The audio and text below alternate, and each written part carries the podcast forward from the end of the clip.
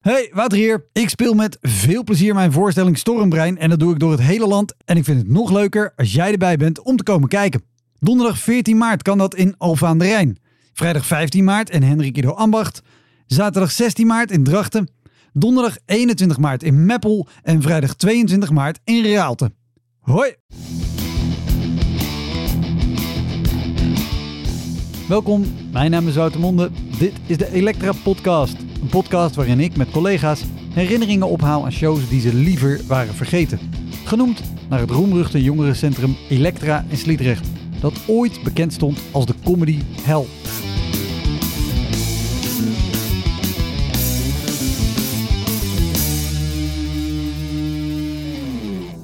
Mijn gast is dit keer Peter Lussen, cabaretier. En het lastigste in mijn karakter is dat ik eh, niet weet hoe ik met succes om moet gaan. Als je de jaren 90 bewust hebt meegemaakt, dan ken je Peter als Eddie uit de tv-hitserie Vrienden voor het Leven. Maar lang daarvoor was Peter actief als cabaretier en acteur. En ook daarna is hij nog altijd actief gebleven op het podium en achter de schermen.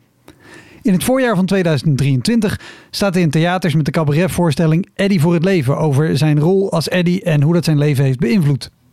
Heel veel plezier. Dit is de Elektra Podcast met Peter Lussen.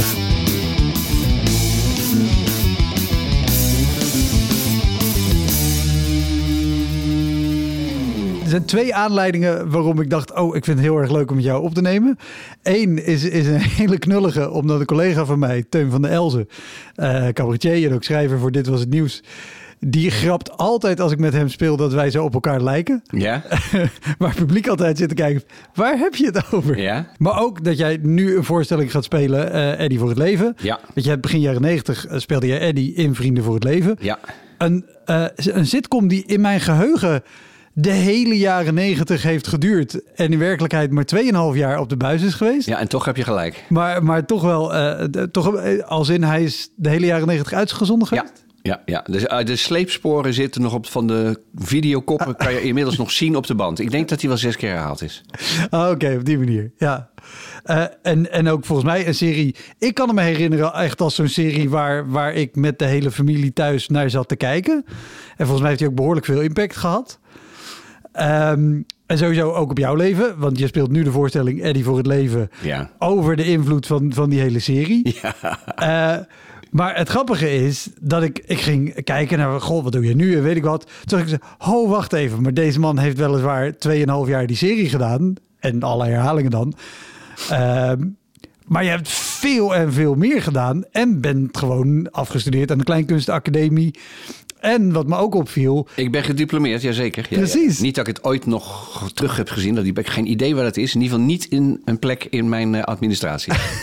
Het is eh, eh, verloren gegaan. Ik kan je ook vertellen in 42 jaar dat er nooit naar gevraagd is. ik moet zeggen, de, het, het, het, het kwijt zijn van je diploma van de Kleinkunstacademie is, is een proeven van bekwaamheid, denk ik.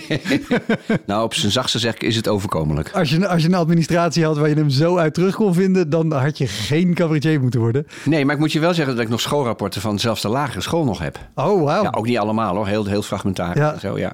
Want dat, dat vond ik eh, Zwemdiploma's. ook nog. 1965 heb je het dan over. Ik wil bijna op gaan scheppen dat ik 16 zwemdiploma's heb. Eh, maar dat is een Behoorlijk opscheppen. Ja. Nou, 16, wat- dan? nostalgische zwemslagen. 1, 2 en 3. Reddend zwemmen. 1, 2, 3. A, B, zwembrevet 1. Maar Zwembrevet ik, blijf, ik blijf hangen bij die nostalgische zwemslagen. Ik ook, die waren mooi, jongen. Och. Wat is een nostalgische zwemslag? Ja, je had de zeemanslag. Dat is de enige die ik weet. Waarbij je een soort half op je zij... Het is een soort combinatie van een schoolslag en borstkraal. Volgens mij ook gewoon... Maar dit gaat al akelig de richting op van synchroon zwemmen met zo'n wasknijper op je neus. Ja, nou ja, dat, dat was schoon zwemmen. Dat heb ik, ik heb namelijk alles gedaan wat je in een zwembad kon doen. eh, Behalve pissen. Eh, nou ja, die leeftijd. Ehm, maar alles wat er te doen viel, heb ik gedaan. Met twee andere jongens waren wij een clubje. En dan was ik zo, oké, wat kunnen we nu nog doen? Het enige wat we niet gedaan hebben in die tijd was springen van de plank. Want we hadden geen duikplank in het zwembad. Oké. Ja. En zodoende kom je aan heel veel... eh, Ik zit nog een beetje te worstelen met de vraag of ik deze ontboezemingen heel erg voor jou vind pleiten. Of dat dat toch, dat, dat toch vraagtekens oproept bij me. Ik, werk, ik, ik laat nog even verder zakken. Ja. ik ook. Eh, maar waar ik, waar ik heen wilde namelijk... was het feit wat ik eh, op jouw website ook terugzie... maar ook wel in wat interviews... is dat je eigenlijk steeds terugkomt op het feit... ja, maar ik ben eigenlijk van huis uit cabaretier. ja, dat was een beetje een offensief wat ik nodig vond. Omdat ik merkte dat ik steeds meer dat ik acteur genoemd werd. En dat vind ik mezelf niet. Ik heb het wel gedaan. En zeker als het comedy is, gaat dat, gaat dat, gaat dat prima. S- Sprak hij bescheiden. Maar ehm, het is niet voor niks dat ik nooit gevraagd ben om Hamlet te spelen. Nee, Ik voel me daar niet, zou me daar niet in thuis voelen. maar je hebt wel heel veel cabaret gedaan... en Ja. ook cabaretteksten ge- geschreven voor Ja, andere mensen en zo. You name it, I did it. Want wat, eh, even kort samengevat, voordat we in de rampen duiken... wat, wat heb je allemaal gedaan aan, aan cabaret dingen? Nou, niet eens zo heel veel hoor. Dan gaan we even terug naar die woelige jaren tachtig. Daar stond ik ook nog wel eens in kroegen en pisbakken en andere wandtentjes met een soort solo-ding met een pianist. Kijk, dan, dan, dan beginnen we gelijk al goed. Ja. en toen heb ik in 89 heb ik, eh, hebben, we hebben we een cabaretgroepje opgericht. Met z'n drieën. En dat hebben we het jaar daarna in een andere bezetting weer gedaan. En toen ben ik doorgestart bij de Wat, cabaretvoorstelling. was dit de, de cabaretgroep onder andere met Lennet van Dongen ook? Ja, dat was de eerste, ja. Ja. Net van Dong en Hans van Gelder. En de tweede versie daarvan was met eh Milène Danjou en Bas Odijk. En toen hebben we de doorstart gemaakt. Toen kwam ik weer van de Ende terecht. Toen is het allemaal wat groter geworden. En dat was met eh, Martin Waddington aan de piano. En later Dick Kuis, een tweede seizoen. En naast mij André Breedland en Paola voorbij. En Paola is nog steeds een vriendin van mij. Zeggen me niks. Sorry. Nee, nee, nee. Nou, André? Breedland is creative producer geworden bij Van de Ende Ja. omdat Van de Ende toen André met mij werkte, doorkreeg dat het een goed idee was om André vast te leggen. En Paola is tot mijn eeuwige verdriet niet meer in het vak werkzaam. Omdat eh, ja, mensen worden zo verschrikkelijk slecht behandeld in deze business. En eh, Paola zit nogal erg goed in elkaar als mens. En die heeft op een gegeven moment gezegd, fuck you. Nou vertel ik namens haar wat ze gedacht heeft, Ja. hè, dit even. Maar die heeft gezegd, ik laat me zo niet meer behandelen en graag of niet. Ja. En dat is erg jammer, want behalve dat het een mens met een gouden hart is... is het ook een zeer getalenteerd iemand. Ja, oh, en die zonde. zit dus al jaren niet meer in het vak. En dat vind ik wel verdrietig. En, en, en bedoel je dan theatervak of tv-vak? The- Theater. Oké. Ja, het is, de scheiding is niet zo zwart-wit natuurlijk. Hè. Ik bedoel, eh, als je in theatervak zit... loop je de kans dat je ook wel eens op televisie komt. Ja. Tegenwoordig ook omgekeerd. Als je een tv-carrière of een YouTube-carrière hebt... kan je een theaterprogramma beginnen. Sterker nog, dan kan je opeens een enorme speellijst krijgen... Ja. waar andere mensen met... Nou, ander verhaal. Ja, eigenlijk heb ik dat natuurlijk ook een beetje gedaan nu. Ja, maar je, je bent natuurlijk nu eigenlijk weer terug waar je, waar je Ja. vandaan eh, kwam. Ja, ja, ja. Want even terug naar, naar de jaren tachtig met pisbakken en kroegen. Vertel, wat, wat voor shows waren dit? Ja, ik had gewoon ja, ik had een, een aantal nummers in elkaar gedraaid. En eh, daar waar je maar kon voor 100 gulden. Ja, want, want, want je kwam toen van de Kleinkunstacademie af. Ja. Dus ik, ik neem, jouw droom neem ik aan of doel was ook gewoon... Ik had wel de grote cabaretcarrière voor, ja. voor ogen, ja. Echt in, ik ga echt terug naar de clichébeelden van toen. Dan beginnen met een groepje, zo van vier, weet je wel. Dat, eh, een beetje Donkey Shocking, Ivo de Wijs-achtige gevoel. Ja. En dan toch op een gegeven moment wou ik, eh, solo gaan doen. Dat was toen echt, in 79, wel het plan. Ja, Ja. En daar is natuurlijk helemaal niks van terechtgekomen. Dat vind ik ook helemaal niet erg. Nee, dat is helemaal niet erg. maar, maar als je zegt, nou ja, alles waar je, waar je terechtkomt voor, voor 100 gulden. Zijn er, zijn, zijn er plekken die je nog bijgebleven zijn? Oh, die je jawel, denkt, oh allemaal wel. man, waar... Allemaal wel, ja. P- Pik, pik er eentje uit. Want, want café- ik vind dit namelijk zo tof. Dit is... Ik weet niet meer hoe het heet. In café. Ik zie die man nog voor me, John. En dit is in de Wolvenstraat in Amsterdam. En dan stond je dus echt voor 100 euro. En ja, af en toe moest je stoppen, want dan ging de espresso-machine. Ik doe het, hou me in voor jouw microfoon. Het was veel harder. En de bediening liep niet vlak voor je langs. Die liep tussen jou en je microfoon door. En dat is bijna letterlijk. Dus ja, dat hebben we allemaal meegemaakt, ja. En, en wat, wat speelde je daar? Was dit gewoon een avondvullend programma? of wat Nee, voor- nee, nee. In een kroeg een avond zo'n programma, dat gaat niet. Nee, maar de- Nee, ja, ik, ik weet niet Ja, wat... nou wat- ben je een half uur. Ik weet het niet eens meer precies. Het is heel lang geleden. het is jouw geboortejaar, hebben we het dan over. Ja, ja. precies. Nou, bijna. Ja, nee, nee, ik was ook wel... Toen ik op school zat, er ook nog wel eens wat gedaan. Ja. Ja, ik, Ja, ik, ben- ik, mocht ben, eigenlijk niet, maar ja. ik ben van 1980. Ja, dus- precies. En ik, heb, ik ben in 81, eh, nou niet afgestudeerd, maar mijn eerste professionele klus was bij Notabene een gesubsidieerd toneelgezelschap. Toneelgroep Centrum, later opgegaan in toneelgroep Amsterdam. En daar heb ik voor de eerste en de laatste keer gesubsidieerd toneel gespeeld. dat, zo ben ik begonnen. En, en, maar de, de- al dat andere dat deed je ook tussendoor, ja.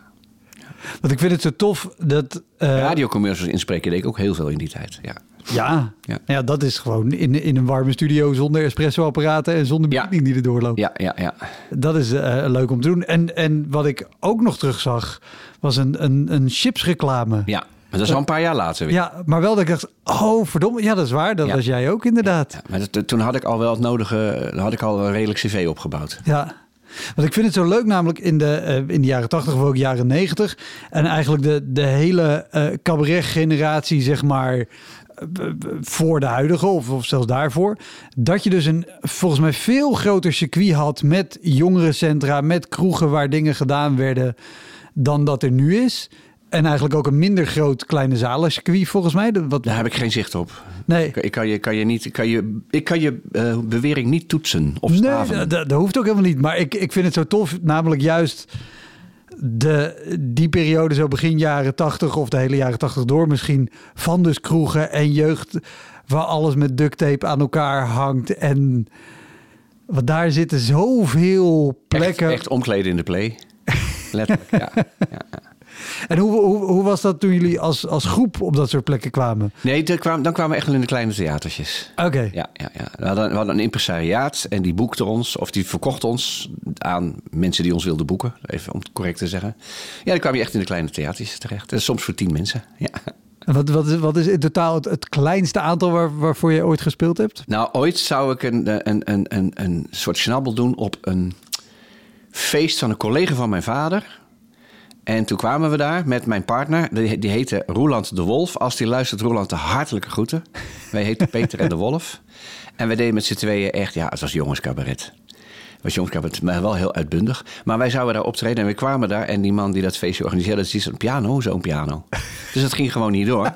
En toen hebben we in de woonkamer van mijn ouders... En toen hebben we de ouders van mijn vriendin, die woonden toen om de hoek. Dus we hebben er letterlijk in, mijn, in onze woonkamer voor vijf man staan spelen. En we deden een acrobatiek act en die heeft me bijna mijn nek, die heeft me bijna mijn, mijn, mijn, mijn nekwervels gekost. Want ik maakte een soort sal. Roeland was de onderman, ik was de bovenman. Ik was heel licht toen. En ik ben toen bijna met mijn nek aan de deurpost blijven hangen. Ja. ja. Gaat het nog? Sorry, ik, ik, ik ben nog aan het verwerken. We zouden spelen op dat feest. Dat gaat niet door. En dan besluit je, dan, dan doen we het maar voor vijf mensen in de woonkamer. Waarom? Nou ja, om, nou, om, je, bent, je bent klaar voor die voorstelling. En mijn vader was mee uiteraard, want het feest van zijn collega. Ik, ik, ik, ik was twi- 21 hè, toen. ja, ja. Roland was net iets ouder. Nog steeds trouwens. En eh, dan, dan, dan, ben je, dan ben je klaar en dan, ja, dan gaat het ineens niet door. Dus dan moet je toch wat met die adrenaline. En eh, het was echt een waarom niet verhaal. Weet je, dan vragen we hen er ook bij. Dus die woonde 150 meter verderop. Dus mijn ouders, eh, mijn vriendin en haar ouders... die hebben toen eh, die voorstelling mogen aanschouwen. Ja. Maar dat is toch ook... De, de, de wil om te spelen snap ik heel goed. Want ik heb ook voor weinig mensen gespeeld. eh, zowel solo als ooit met een bandje. En altijd, oké, je bent er en je bent er klaar voor, dus je gaat spelen. Ja, Maar dan, eh, het is toch ook gewoon heel ongemakkelijk spelen als dit dus je vriendin en je ouders en de ouders van je vriendin, die waarschijnlijk ook hele stukken al misschien eerder gezien hebben of tijdens het oefenen meegekregen hebben. Ja, ik, ik snap waar je heen wil. Ehm, nee, dat is het nooit geweest voor mij ook. Ehm een van de dingen, de ontwikkelingen in het theater en überhaupt in de wereld die erg mijn kant op komen, is dat alles persoonlijker aan het worden is. Dat betekent ook dat je contact met je publiek wordt. eh, ze vragen andere dingen van je dan vroeger. Vroeger was er toch een zekere afstand en dat is niet meer. Als ik nu deze voorstelling Eddie voor het leven speel, vraag ik het zaallicht op, op een laag standje. Niet oncomfortabel. Mensen moeten niet het gevoel hebben dat ze in een TL-licht eh, eh, exposed zitten. Maar ik vraag echt om het licht een klein beetje op te doen. Want ik, ik zoek het contact. Ja, En dan maakt het niet, als je contact maakt met het publiek, en dat is eigenlijk wel mijn hobby, mijn favoriete, en misschien ook wel mijn sterke kant, dan maakt het niet uit of er drie of drieduizend zitten. Sterker nog, met een wat kleiner zaal is persoonlijk contact dan iets makkelijker. Dat, dat is Hoewel ik het dan ook alweer de sport vind om dat privégevoel ook uit te breiden naar, naar carré. Ja, Om dat te kunnen. Ik denk dat ik dat kan, Maar zeker met dit programma zou ik er dan eerst in moeten groeien. Ja. Het staat ook tegenover dat carré volstrekt geen optie is. dat maakt het wel weer wat makkelijker. Ah, je, je weet maar nooit. Ja. Je weet maar nooit. En, en kan je voor, voor iemand die niet speelt... eh, want ik vind het heel eh, leuk dat je zegt over het licht. Kan je uitleggen waarom het belangrijk is dat het publiek zich niet letterlijk overbelicht voelt of niet zo exposed voelt? Nou, mensen komen kijken naar jou. Dus jij moet het zware werk doen.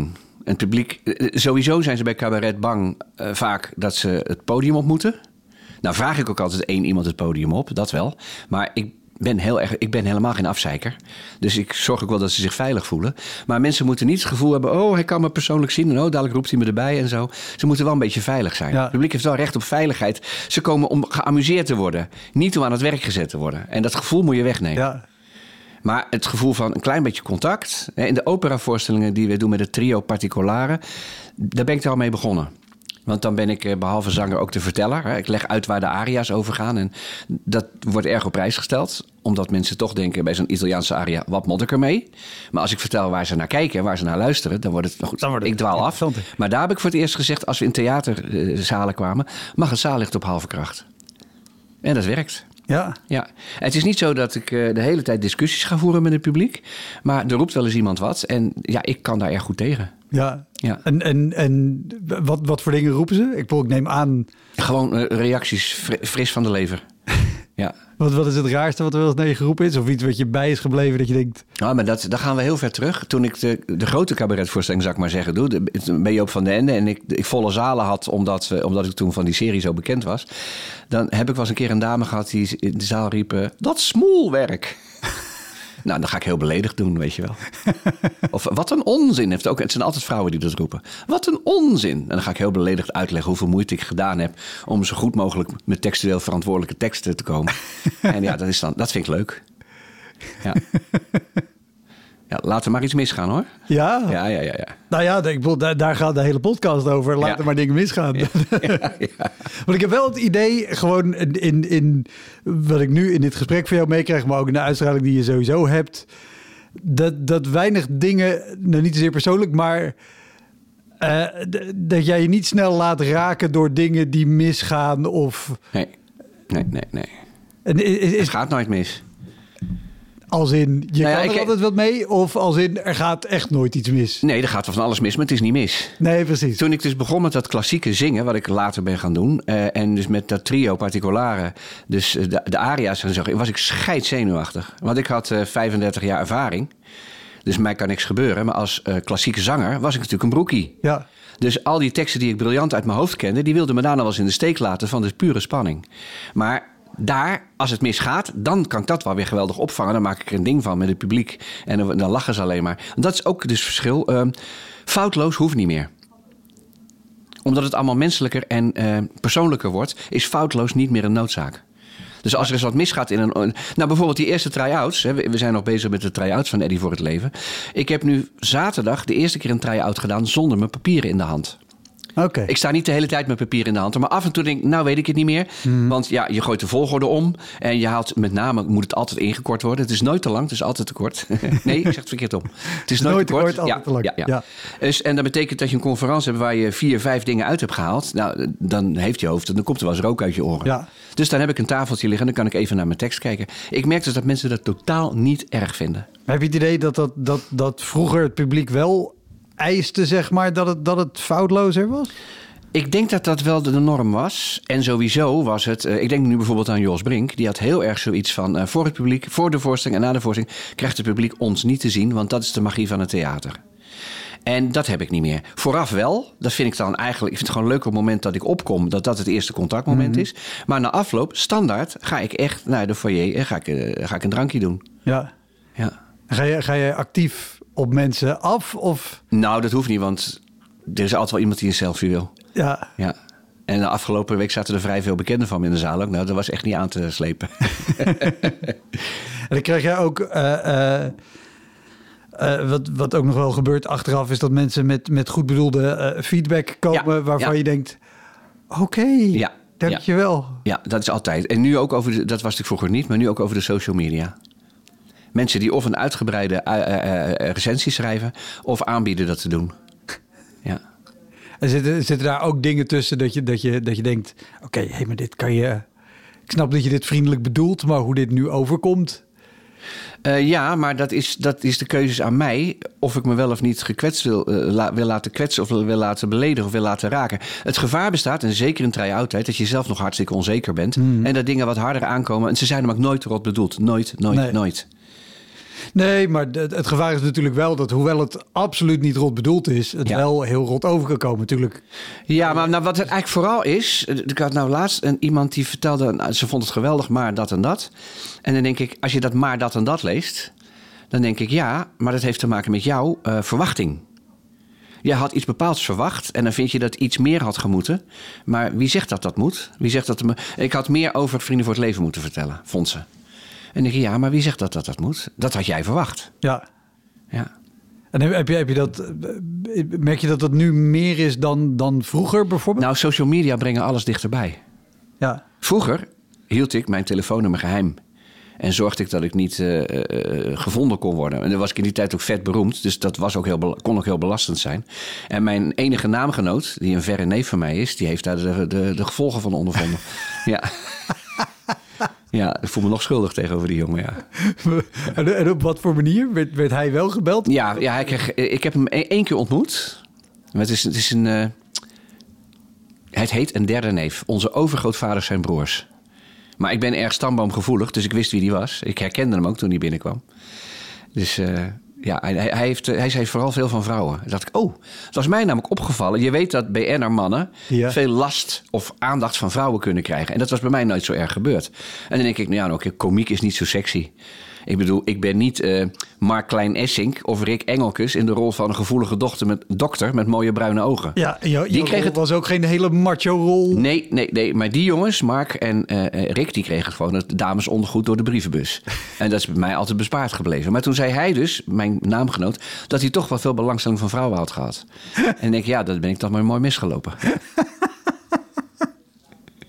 Je kan niet alles hebben. Maar die hadden ook niet door, dit is, dit is een andere Peter Lussen. Eh, op het moment dat ze iets door je. Ik weet niet wat. Hij heeft niet gespecificeerd wat voor belangstelling hij had gekregen. Maar hij lijkt niet, we lijken niet op elkaar. Maar eh, ondergoed door de bus douwen, daar hoef je niet een gezicht voor. Nee, nee, nee. Maar ik weet niet of dat, dat bij hem het geval was hoor. Damesondergoed, ja, ja, ja. Wat, wat zijn er, zijn er eh, in die periode... En bijvoorbeeld, neem aan, wat je zei al, het was vet bekend, want de serie was hartstikke groot. Wat, eh, kreeg je toen wel andere dingen op straat naar je, naar je geroepen of rare dingen of weet ik wat? ja. Heb ik het in de voorstelling ook over. Heb je, heb je, heb je, heb je één klein ding Ik, eh, als ik, zei, ik, voor de voorstelling? ik zei er. eh, Ik wil ook niet alles weggeven. Wat nee, maar ik, zei, ik, ik heb het op een gegeven moment dat ik door een paar kinderen herkend werd op straat. Dat is zo'n leuke herinnering. Maar ik had, omdat de voorstelling ingekort moet worden, ik had drie herinneringen aan dat ik door kinderen herkend werd op straat. En twee daarvan heb ik eruit gehaald. En die ene was ergens, toen was, toen was al na Vrienden voor het Leven, in de herhalingentijd. Toen werd ik door twee voetballende jongetjes herkend. Hé, hey, van televisie. Ja, eh, eh, Peter, Peter eh, Balkenende. ja, dat vind ik geweldig. ik zei, bijna goed jongens, bijna goed. maar wat een compliment, hè? Eh, ja. Voor hem. Voor, hem wel, ja. Natuurlijk, ja. Harry Potter, ja. Mag ik jou een gewetensvraag stellen? Ja. Ga je dat koekje opeten? Eh, nee, maar je mag hem hebben. Dat was de tweede vraag. Dankjewel voor het, dankjewel voor het meedenken. Zo. Ik gok dat dat de vervolgvraag was. Mhm. Dan moet ik nu een hele lange vraag gaan verzinnen om jou de tijd te geven om dit koekje op te eten. of nee, Wordt alleen maar tijd. interessante radio. en even de plopkap uitspoelen. Dat ook, maar die kan in de wasmachine. Dus dat maakt niet uit. Hm. Praat namelijk zo lastig met een, met een koekje in je mond. Eh, wel, terwijl jij eh, een koekje verder eet. Wat me, wat me eh, ook opviel op je website. Want je bent eh cabaretier, maar ook nog eh, spreker. En je begeleidt mensen bij spreken. En je bent ook nog trouwambtenaar. En je bent ook nog zanger en, je, en acteur. Eh, Ja. sowieso eh, zijn er, denk ik, mensen die dit luisteren met kinderen. eh, die jou in filmpjes van Dirk Schelen zullen hebben ik, herkend. en word, hebben gedacht, ik word herkend op straat door kleuters. En dat is goud hoor. ja, Ja, hé, de vuilnisman of de muziekdokter of de brandweerman. Ja, een, een ex van mij heeft twee kinderen. Die zijn nu dan zeven en negen. Maar toen ze twee en vier waren, daar was ik eh, randweerman Peter. Brandweerman Peter, randweerman Peter. En als ik daar langs ging op visite, deed ik ook altijd zo'n eh eh, Intertoys brandweerhelm op. Ja.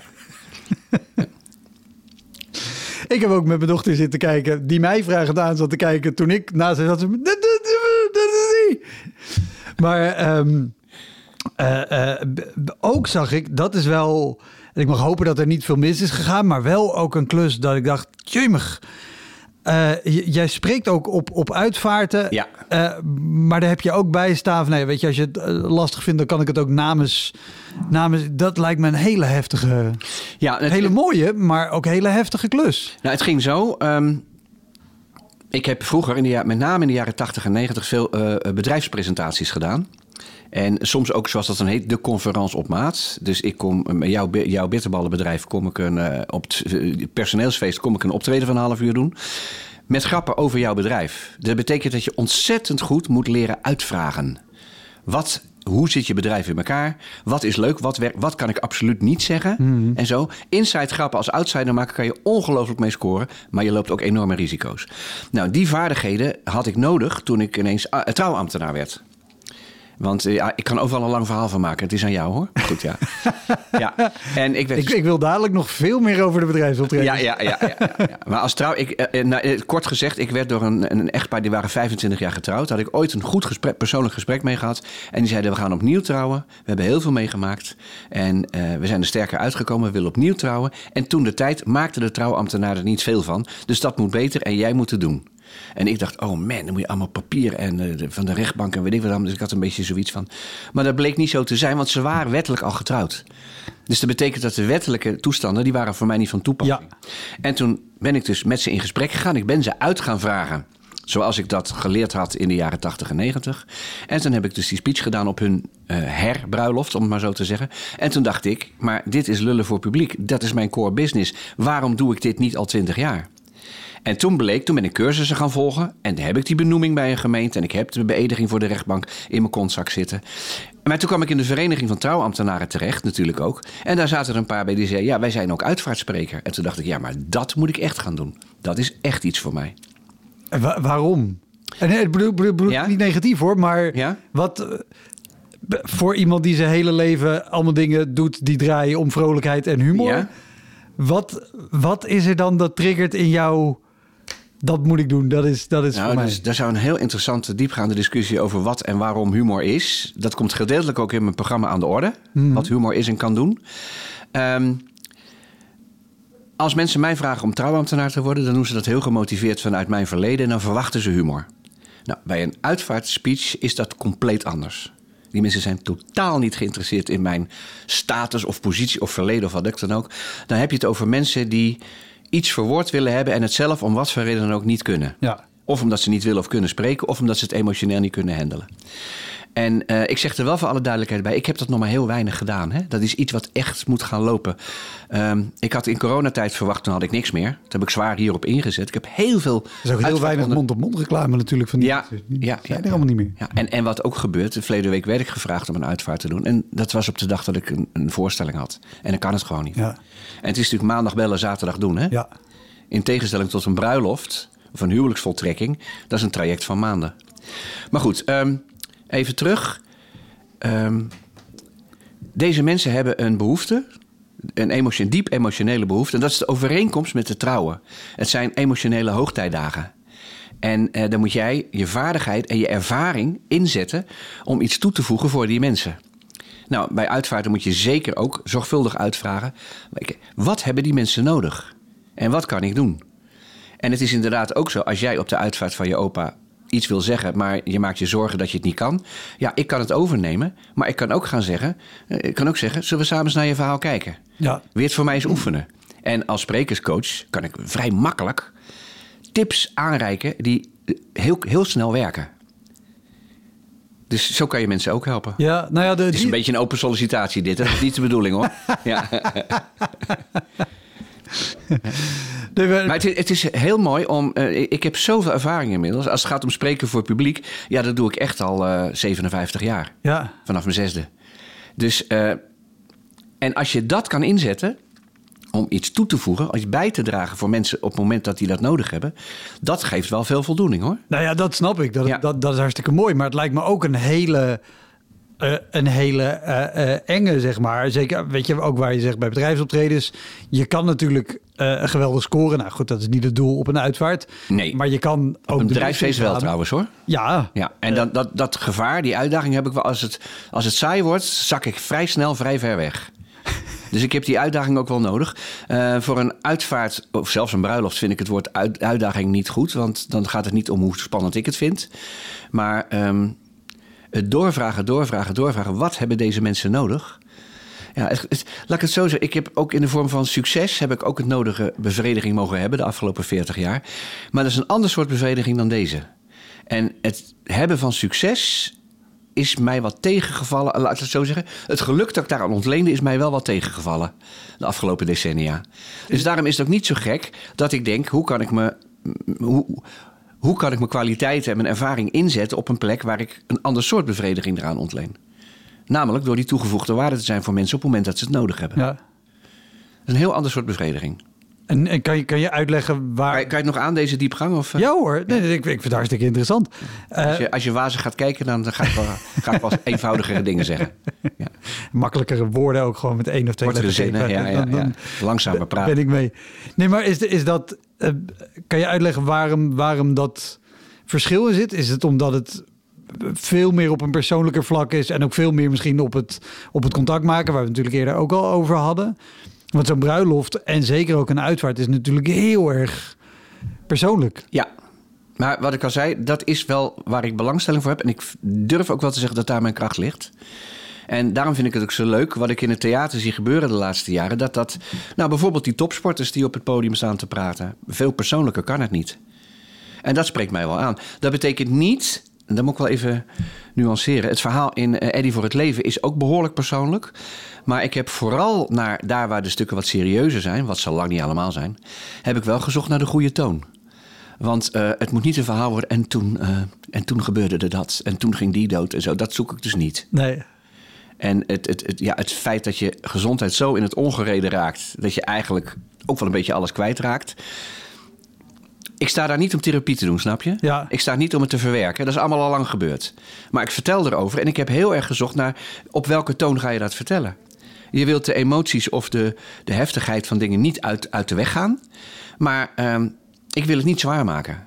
Want ik zie mezelf niet als een zware iemand. nee. Maar dat wil, dat wil niet zeggen dat het niet serieus is. Maar ik, mijn benadering is, en dat is de hoofdrol die humor in mijn leven speelt. De benadering is eigenlijk altijd lichtvoetig. Wat ik nog wat anders vind dan oppervlakkig. Absoluut. Hier zit een tegeltjeswijsheid in, maar dat ga ik nog even uitzoeken. Wat is dat bij deze voorstelling of bij anderen ook wel eens misgegaan dat je dus de toon wel volledig mis hebt gehad? Wat zeker ook waar je zegt, ik heb eh, al 57 jaar ervaring als spreker. Ja, Heel veel ervaring is natuurlijk ook fouten maken en leren hoe je die fouten vervolgens niet meer maakt. tuurlijk. Waarom rijdt Max Verstappen zo hard? Omdat hij alle grindbak en alle vangrails geraakt heeft. nou, ik ook dus. Ja. Hoi, Wouter hier. Wist je dat er al meer dan 160 afleveringen van Elektra online staan?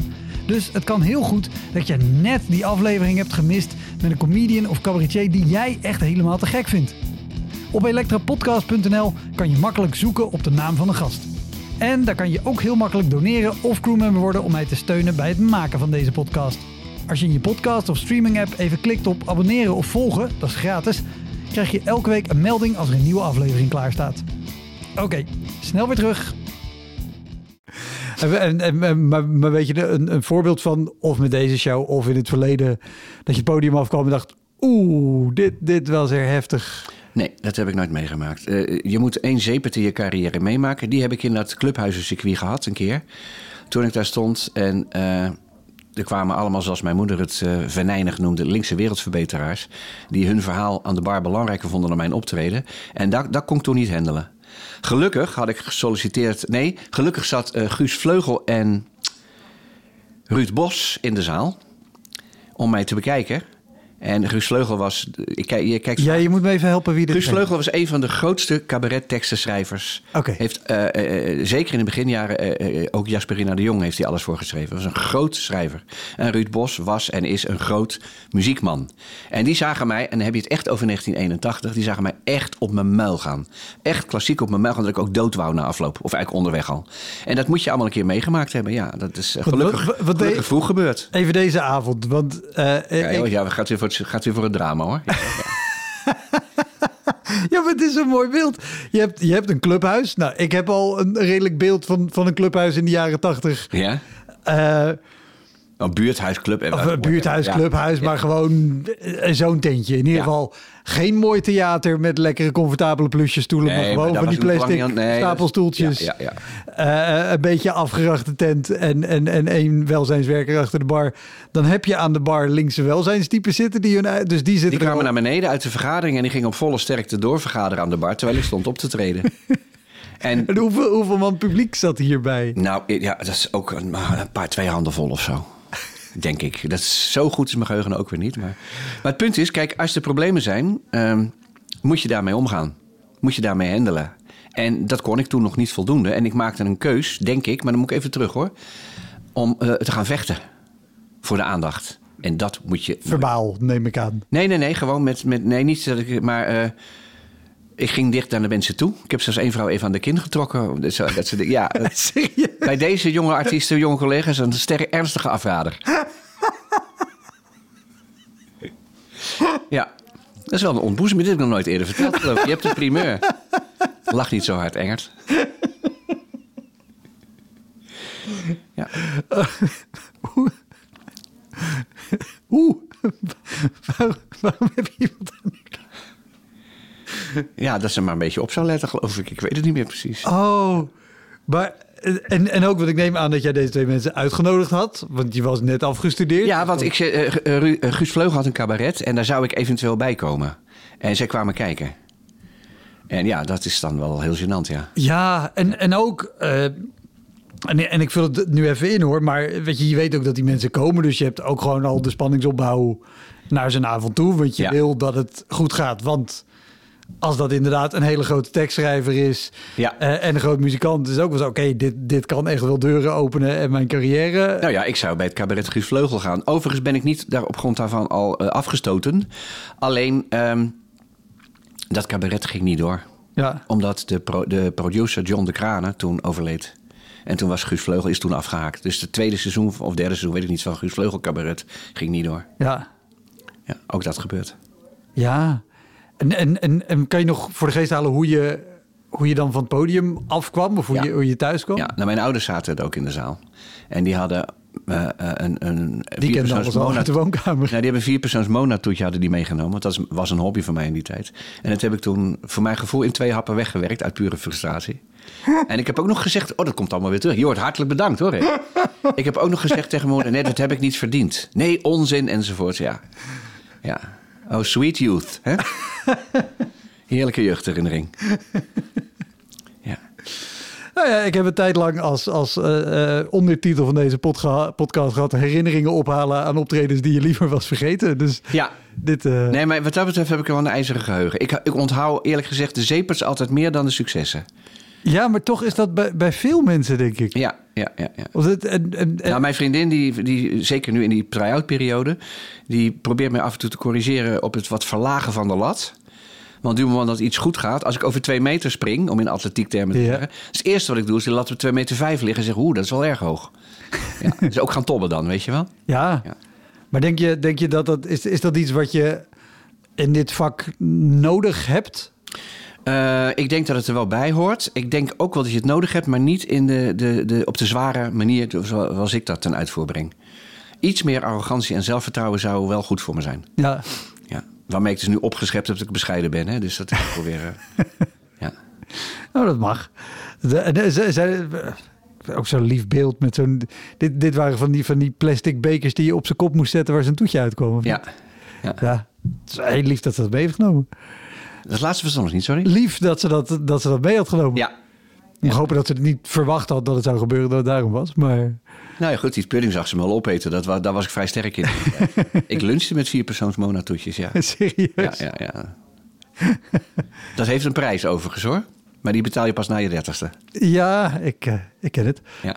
Zijn, zijn, er, zijn er andere, want je zei al, de zeeperts onthoud je beter dan, Ja. dan de successen. Zijn, zijn er nog andere shows? Nee, echt op mijn muil gaan, dat is niet meer gebeurd. Ehm, Nou, het hoeft ook niet per se op je muil. Kijk, het kan, het kan, want wat natuurlijk ook veel is met dit soort shows, is dat je bijvoorbeeld ergens aankomt en denkt: Oh, wat gaan we hier doen? Of bij een bedrijfsoptreden. Ja. Eh, want wat je zei, al, daar heb je er ook veel van gedaan. Dat je vooraf denkt: hoe ga ik hier in vredesnaam wat van maken? Dat het uiteindelijk toch heel erg leuk wordt. ja, Maar, dat is... alle randzaken of alle omstandigheden eigenlijk op papier natuurlijk volkomen eh, maken dat het ongeschikt is. Ja, maar je leert natuurlijk ook wel eh, dat van tevoren in te schatten. Dat je denkt, oké, dit, dit voelt zo en zo. Ik heb natuurlijk mijn, als ik de workshop spreekvaardigheid doe, presenteren en spreken voor groepen, heet dat, om precies te zijn. Ik werk met checklists. Dus Als jij een speech moet houden en je komt bij mij om te helpen beter te worden, dan ga ik, oké, ehm, die eerste gesprek, wat willen ze weten? Hoeveel mensen zitten er in de zaal? Eh, wat verwachten die mensen? Wat weten die mensen op het moment dat jij gaat spreken? En wat wil je dat ze weten als je uitgesproken bent? En dat zijn allemaal dingen. En dan ga je ook, het is de korte versie dit, want dit kan ook weer een uur duren, dit verhaal. En dan ga je zeggen, hoe is die zaal? Hoe is de ver- versterking? Hoe is het licht? Hoe is de akoestiek? Hoe zitten de mensen? Kan iedereen mij goed zien? Dat zijn allemaal dingen die meespelen. Ja, het, het is... Ja, het is Nou ja, het, het is hartstikke goed. Ja. En, en ik, elk punt wat je noemt, denk ik, ja, natuurlijk. ja, ja, Hartstikke ja. logisch. Dus dat eerste gesprek gaat ongeveer zoals ik dat nu net heb, even heb voorgedaan. En dan weet je al een klein beetje hoe laat het is. Ja, Ik heb ook wel eens gesproken op een, een soort feest. Waarvan je weet, iedereen is blij elkaar te zien. Die gaan allemaal met elkaar lullen. En ik, moet, i- ik, ik ging daar geen cabaret doen, maar een, een dingen aan elkaar praten. Dus presenteren, gasten aankondigen en dergelijke. En dan weet je ook, er gaat geen hond tegen mij aanpissen. En eh, oké, dan is dat het. En dan, dan moet je al helemaal niet willen winnen natuurlijk. Dan ga je gewoon heel netjes je werk doen. En dan doe je dat met inzet van je professionaliteit op de manier... Ja, dan zorg je dat het optimaal gaat. Maar je weet ook van tevoren... binnen die omstandigheden. Ja, ja, ja, ja. En het alternatief is nee zeggen. En dat is, sinds de cultuursector kapot gemaakt is door de politiek, steeds minder een optie. Nee zeggen. Als in, Bo- boterham? ja, precies. Ja. ja. Ja. Want hoe, hoe, dit is ook een proces waarin je groeit, neem ik aan. Omdat je niet de eerste keer gelijk weet. Oh, want Ik neem aan dat je de eerste keer wel alsnog probeert te winnen op, op zo'n Ja, avond. dat was dus wat ik die avond die ik net beschreef. Dacht ik, ik moet meer energie erin gooien. Ik moet de mensen agressief, nou niet agressiever, maar eh, pittiger aanspreken. En dat, dat was geen goed idee. Maar het was ook een situatie waarin ik niet had kunnen winnen. En om te accepteren dat je het gevecht niet aan moet gaan en niet moet willen winnen, daar had ik veel meer rijpheid voor nodig dan waar ik toen over beschikte. Ja, nee, want daar, daar wilde ik heen. Dat is ook gewoon persoonlijk wel een ding om, om op dat punt te komen. Om te zeggen, nou ja, ik heb hier vanavond gedaan wat ik er maximaal uit kon halen. Terwijl als iemand die natuurlijk toch gewoon ook weet wat het kan zijn, Ja? wil Ja, je maar- toch het podium afkomen. De- Eigenlijk zou je meer willen. Ja, maar dat hangt er vanaf. Kijk, in een theater laat je jezelf zien. En dan gaat het ook een beetje om jou. Maar als ik in, in een opdracht werk, dan is het... wat heeft deze avond of deze middag nodig? En eh, hoe kan ik dat doel op het best, eh, op de best mogelijke manier ondersteunen? Het is eigenlijk gewoon een beetje professionaliteit. Gewoon, het is mijn vak. Ja. Ja, maar En ik vind het ook helemaal niet erg hoor. Dat ik, als ik een, een of andere feest of jubileum aan elkaar praat, dan gaat het niet om mij. Dan wordt er nog wel een, een toegevoegde waarde van je verwacht. Maar als de omstandigheden zo zijn dat je die eigenlijk niet kunt toevoegen, ja, oké, nou, dan is dat dan zo. En Heeft, heeft, het, heeft het lang geduurd bij jou voordat je op dat punt kwam? Of is dat iets wat je vanuit jezelf al hebt? Dat je jezelf, Dan moet ik mijn eigen. dat je je persoonlijkheid kan scheiden van, van de rol die je hebt op zo'n avond? God, dat weet ik eigenlijk niet. Dan moet ik, dan moet ik eh, 40 jaar een retrospectief langs laten gaan. Ik weet niet of ik dat trek. of ik dat overzicht heb. We Nee. kunnen vragen of ze een sofa hebben. Dan, eh. Ja, ja. ja. Nee, dat zou ik zo niet weten, nee. Maar wel, nou ja, bijvoorbeeld, naar aanleiding van je vraag komt een herinnering naar boven. Eh, als, als, een, als een publiek niet goed reageert. Hè, ik herinner me, ik heb kindertheater gedaan, veel kindertheater gedaan. Een jaar of tien geleden Thomas de Stoomlocomotief. Ja. En ehm, Daar was ik ook degene die het contact maakte met het publiek. Ik was de dikke controleur. Alles moet netjes en op tijd. Dus jij spreekt de kinderen en de ouders rechtstreeks aan. En er was ook een, bij de eerste of tweede try-out een zaal die niet lekker liep. Dat, dat weet je, dat voel je. En omdat kindertheater niks mag kosten, stond ik tot aan mijn heupen tussen de stagiaires. Dus mensen met heel, heel jonge mensen met heel weinig ervaring. En uh, de neiging is dan, als het niet wil, dat je harder gaat werken. En dat is nou precies wat je niet moet doen. Dus ik had dat tegen die mensen gezegd, jongens, stick to the plan. Snap je? Um, als je een zaal die niet wil, als je daar helemaal naartoe gaat, ik heb het neiging het voor te doen, want als je er naartoe wil gaan, dan krijgen ze alleen maar. Dan voelen ze zich geroepen een soort uh, afweer op te roepen, ja. een soort zichzelf te beschermen. Dus je moet eigenlijk rustig blijven en ze laten komen. Ja, en als ze niet komen, ja, je kunt het vaak kan je het re regelen, maar je kan niet alles winnen. En willen winnen, dat was dus die les van die zeepert in dat buurthuis, werkt niet. nee. Rust, dat is het beste. Ja, maar ook het moeilijkste. Ja. Het is het moeilijkste, maar wel iets, ja. iets heel moeilijks. Want het is inderdaad... Maar er zijn, er zijn een paar factoren die aan bijdragen. Dat is ervaring. En het is het feit dat ik me nergens zo op mijn gemak voel als op het toneel. Ik ben een tamelijke ADHD'er. Maar op het toneel ben ik eigenlijk het meest rustige. Omdat ik me daar zo thuis voel. Ja. We hebben meer mensen in ons vak hoor. Ja. Dus als er iets misgaat, ja, dan gaat er toch niks mis. Een voorbeeldje. Ik deed zo'n, een van de eerste klassieke concerten die ik deed met ons trio. Ja. En ik zong een lied van Schubert. En ik kan dat dromen. En daarvan de pure spanning raakte ik mijn tekst kwijt. En uh, dat is dus de beginneling van de paniek. En dan komt de ervaren rot, die komt erin. En ik heb daar ter plekke hele Duitse teksten uit mijn nek staan lullen. Echt. En, en de zangeres die naast me op een stoel zat, die had niks in de gaten. Echt waar? Maar de pianist die het voor zijn neus had staan, die had zoiets van... Wat, sta, wat lult hij nou? ja. Dus dat is, dat is een mengeling van de broekie en de oude rot daar... Uh, Oh, wat grappig, want dat zijn juist stukken waarvan ik me kan voorstellen dat iedereen die dat graag luistert, die kent die stukken en die, die weet die teksten. Ja, maar als je het over Schubert Winterreizen hebt, dat is uh, uh, de diehard fans daarvan, met alle respect voor mezelf, maar die komen niet naar mij luisteren. Die, gaan naar, die, gaan naar, nou, die komen naar mijn zangleraar luisteren, die dat wel kan en die ja. wel alle teksten uit zijn hoofd kent. en die, nou, mijn zangleraar, Frans Vieselier, ik heb al een tijd geen les meer gehad van hem, is een geweldige zanger. We lijken heel erg op elkaar, even oud. Zelfde bouw, zelfde stemtype, bas-bariton. Maar uh, laat ik het zo zeggen, hij geeft mij les en niet andersom. Ja, ja, Daar is een reden voor. Ja. Dus dat niveau ga ik nooit meer halen natuurlijk. En ja, als je een winterreizen van Schubert wilt horen... dan moet je naar hem gaan en niet naar mij. Dat Ja. is heel simpel. Ik kan het wel, maar hij kan het veel beter. Ja, Ja. maar jij kan de nieuwe teksten op verzinnen. Dat is waar. nou, als, ik, als hij in de zaal had gezeten... hij had zo verschrikkelijk gelachen. ja. ja. En ook niemand achteraf die zei, goh, wat een interessante tekst. Nee, maar wat ik wil zeggen, de mensen die kenners zijn, die gaan naar een concert van uh, we stichten Ja. Vrienden van het, van het Lied, bijvoorbeeld. En eh, dan krijgen ze Frans en niet mij. Ja, En Frans maakt die fout niet. ja precies. Want Frans is scheidt niet in zijn broek als hij winterreizen moet zingen en ik wel. Ja. Want zijn er, zijn er nu nog situaties waar jij van eh, eh, muziek of toneel in je broek kan schijten? Of denk je nu met, kom maar op, ik kan, ik kan alles hebben? Eh, nou, er is een bovengrens aan. Ik doe soms opera-rollen bij amateurgezelschappen. Want dan ben ik goed genoeg om een rol te spelen. En zo kwam ik een keer terecht in L'Elisir d'Amore. Een, een geweldige opera met een geweldige rol voor mij. Maar ik moest zo hard werken om op niveau te halen. En op een gegeven moment, ja, dat is een beetje, eh, een beetje vak, eh, hoe zeg je dat? Daar moet je er verstand van hebben. Recitatieve, dat is dat praatzingen wat ze in opera's doen. En eh, dat gaat mij boven de pet. Want er zit voor mijn gevoel geen structuur in. Maar als je vanaf je achttiende dat werk doet, dan kan je dat wel. Ja. Frans, nogmaals, Frans Vieselier, die vindt dat geweldig om recitatieven te zingen. En ik denk, dat gaat nergens heen, die muziek. Dus ik kan het ook niet onthouden. Kijk, een aria, die kan je leren. Ja. Dat lukt hem ook. En dat ging ook goed, want het was een leuke, een beetje komische aria. Helemaal my cup of tea. Maar die recitatieven, minutenlang. En ook met een zangeres. Dus ik denk, en dan ga ik echt zweten. Denk, als ik eruit lig, gaat zij ook onderuit. En dat wil je niet op je geweten hebben. Dus dan krijg je toch wel klamme handen. Dus die rol heb ik echt ook teruggegeven. En, en, en, en wist je dit al van tevoren? Of heb je dit ook wel eens een keer geprobeerd en toen gezegd, dit moet ik niet meer doen? Nou, ik ben er in- eh, thuis studerend tegen aangegaan. Ik zat drie uur per dag te studeren, wat veel te veel is voor je stem. Dus eh, toen had ik al het gevoel van, ik geloof dat ik meer aan het vertellen ben. Ja, Ja, dan moet je natuurlijk wel even verstandig wezen. ja. Eh, ik, wil, ik wil nog even terug naar de, naar de bedrijfsoptredens. Ja. Want dat is, nou, ik mag gaan zeggen, een vast onderdeel in de podcast. Omdat bijna iedereen zich er wel aan vergrepen heeft of gedacht, oeh, maar dat zijn inter- interessante gages. Ja. Dat is leuk. Ook En- dat is trouwens meer dan gehalveerd, die garages. Als de hele sector, de cultuursector, gecastreerd wordt...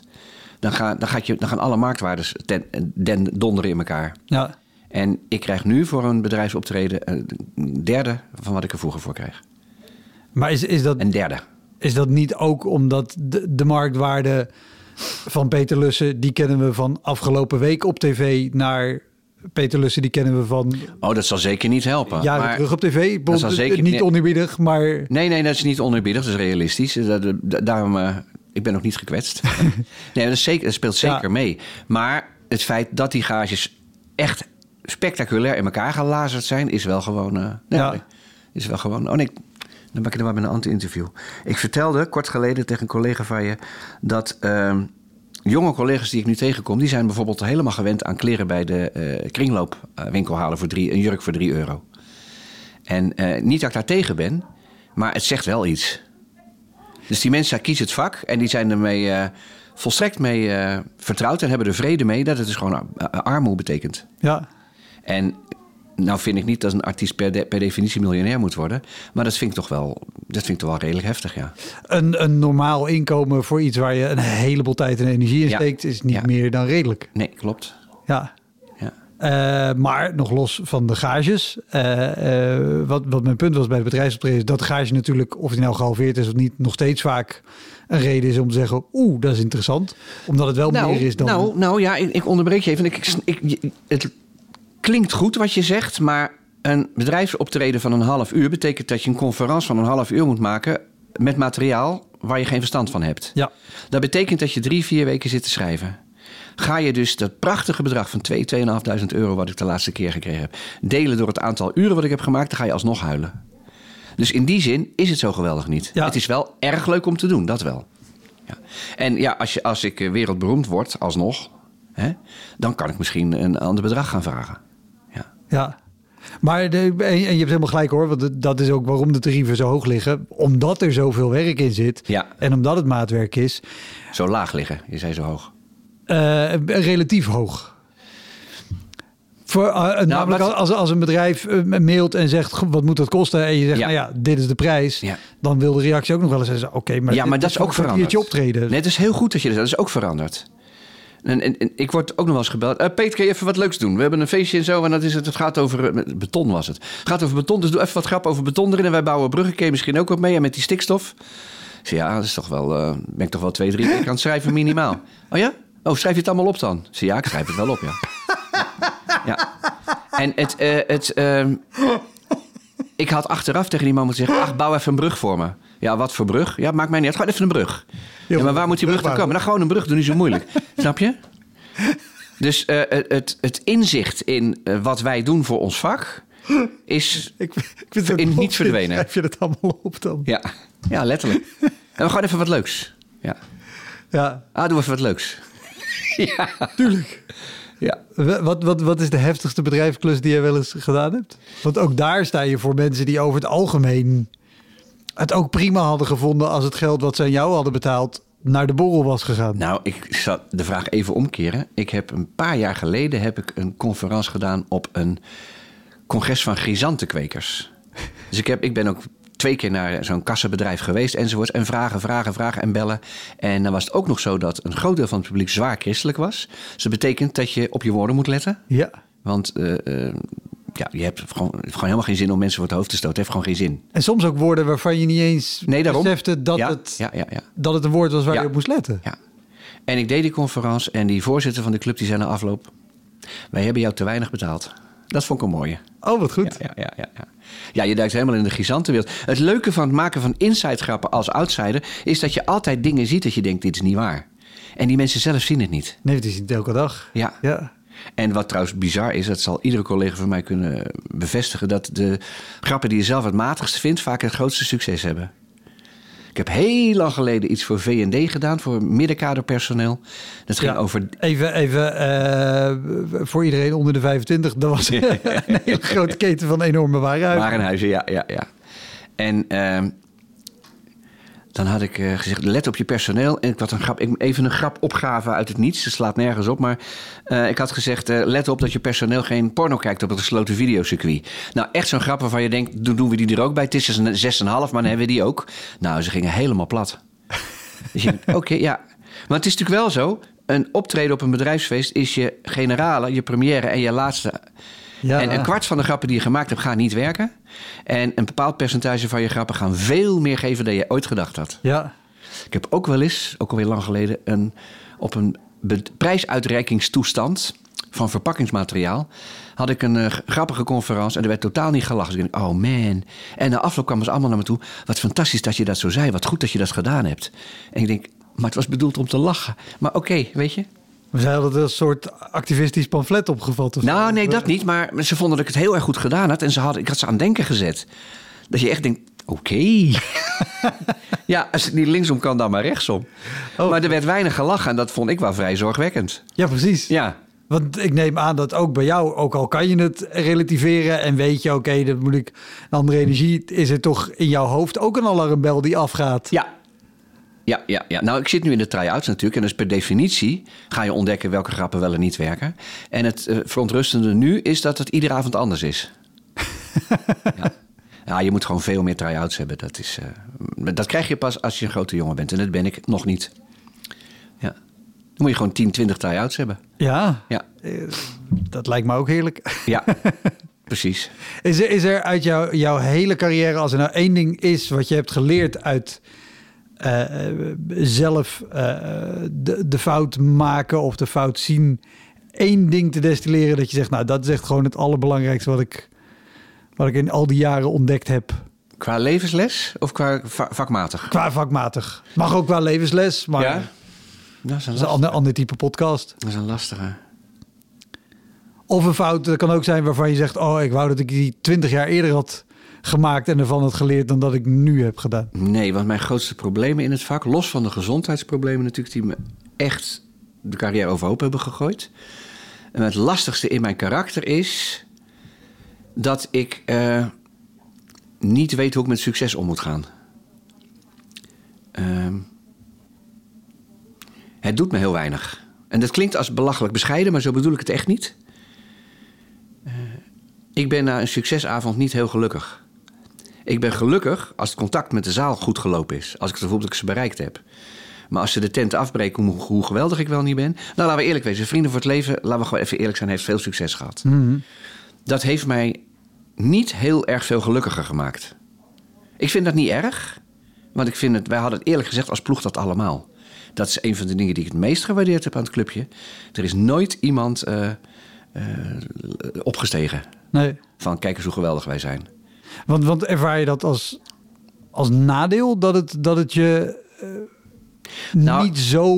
eh, Ik zou mijn leven makkelijker maken als ik iets meer zou kunnen genieten van het feit dat ik succes had. Ja. Als ik het heb dan, hè? dat was toen natuurlijk. En eh, dat bleek helemaal niet zo te zijn. En vind ik een beetje ondankbaar eigenlijk van mezelf. maar, maar ondankbaar als in jammer dat ik er niet meer van genoten heb? Of op, of op, Ik denk, nou, ik denk, ja, jammer. Ik denk dat het. eh, de, reden, de reden dat ik het zo zeg is. Ja? eh, eh, enerzijds herkenning. Dat ik denk, ja, ik kan, ik kan ook heel erg genieten van een show waar misschien tien mensen zaten. Maar als dat een hele leuke show was, Ja, ja, kan ik ja. denken, ja, dit was, dit was fantastisch. En ik hoef niet per se dat effect te hebben op, op 10.000 man voor hetzelfde gevoel. Tuurlijk zou ik ook graag voor die 10.000 ik- Die spelen, snap maar- ik, die ken ik ook. Ik Vind dat, ja, heel goed. Maar ehm, Ik, ik, ik, ik, ik, volg het ondankbare erin. nou, eh, om het even heel hy- eh, hysterisch eh, spiritueel te maken. Je zoekt het geluk. Mhm. En op de plekken waar je het zou verwachten, namelijk dat het publiek jou geweldig vindt, daar bleek het niet te liggen. Laat ik het zo zeggen. Kan je daar wat mee? Ja, Mensen thuis worden gek nu, maar goed. Denk je die vindt sport niet? Nou ja, ik, de, de andere kant is dat ik denk als, als dat per se de plek is waar je je geluk kan halen, of de enige plek waar je je geluk kan halen, dan, dan dat lijkt me ook heel beperkt. Het lijkt Ja. me heel gezond dat je het ook uit andere dingen. Nou ja, de beloning van een, eh, eh, eh, van een geslaagde huwelijksvoltrekking is wezenlijk anders. Maar voor mij zeker niet minder dan in het theater. Ja, Omdat je dus dan twee mensen die helemaal gelukkig zijn die dag en op van de zenuwen vaak. Als je daar dan iets nogmaals hebt kunnen bijdragen, dat geeft een soort bevrediging die dan weer anders is dan in theater. ja. Ja. Nou ja, en hetzelfde bij iemand die wil spreken op een begrafenis, dat lastig vindt, die Ja. je wat Ja, tips mee kan geven en het daardoor wel ik, kan. Zoals ik eerder al zei, de, de, de bevrediging van een geslaagde uitvaartspeech zit hem niet in. Kijk, een bruidspaar is dan vaak heel blij en zegt: Oh, wat heb je het fijn gedaan, enzovoort. Dat is mijn bescheiden ervaring met uitvaarten, want ik heb er nog maar een paar gedaan. eh, is dat niet? Want die mensen hebben wat anders aan hun hoofd. Ja, Maar kijk, je komt daar omdat zij niet kunnen spreken, omdat ze stuk zijn. Dus die gaan niet een uitgebreide positieve recensie aan jou uitleveren op dit moment. Nee, maar ik, ik denk dat Moet je die ook niet willen. op, op een later moment, als die erop terug kunnen kijken, wel denken: oh, wat fijn dat iemand dat voor ons kon doen. Misschien, maar dat Eh. krijg je niet. Dus je moet het niet doen voor de directe beloning. Nee. Ik kijk altijd even naar de uitvaartondernemer. Als die tevreden is, vind ik dat een indicatie. Want zij willen ook natuurlijk hun klanten, hè, klanten goed behandelen. Ja. Maar dus de di- directe bevrediging van een compliment of zo... daar moet je de uitvaartspeeches niet voor willen doen. Nee. Het is de eerste keer dat ik de podcast afrond met die conclusie. Ja, Top man, dankjewel. ja dankjewel. Ik vond het erg leuk. Dat was hem, de Elektra Podcast. Meer informatie over mijn gast van vandaag en linkjes naar van alles en nog wat vind je in de omschrijving van deze aflevering. Er staan ongelooflijk veel afleveringen online van Elektra. En op elektrapodcast.nl kan je makkelijk zoeken op de naam van jouw favoriete comedians en cabaretiers. Je kan daar ook eenmalig doneren of crewmember worden. Als crewmember betaal je maandelijks een klein bedrag, maar dan krijg je ook nog eens bonusmateriaal. Je luistert voortaan zonder onderbrekingen en je krijgt consumptiebonnen die je kan inleveren bij een show van mij. Ik vind het sowieso te gek als je een keer komt kijken bij mij. Dus ga naar woutermonde.nl, daar zie je precies waar en wanneer ik optreed. Of meld je aan voor de nieuwsbrief, dan hou ik je op die manier op de hoogte. En dan nog iets, elke vrijdagmorgen doe ik een column op radiostation Kink. Je kan die column terugluisteren als podcast. Hij heet Kink op de Week en je vindt hem in de app waar je ook deze podcast luistert. Oké, tot de volgende Elektra. Hoi!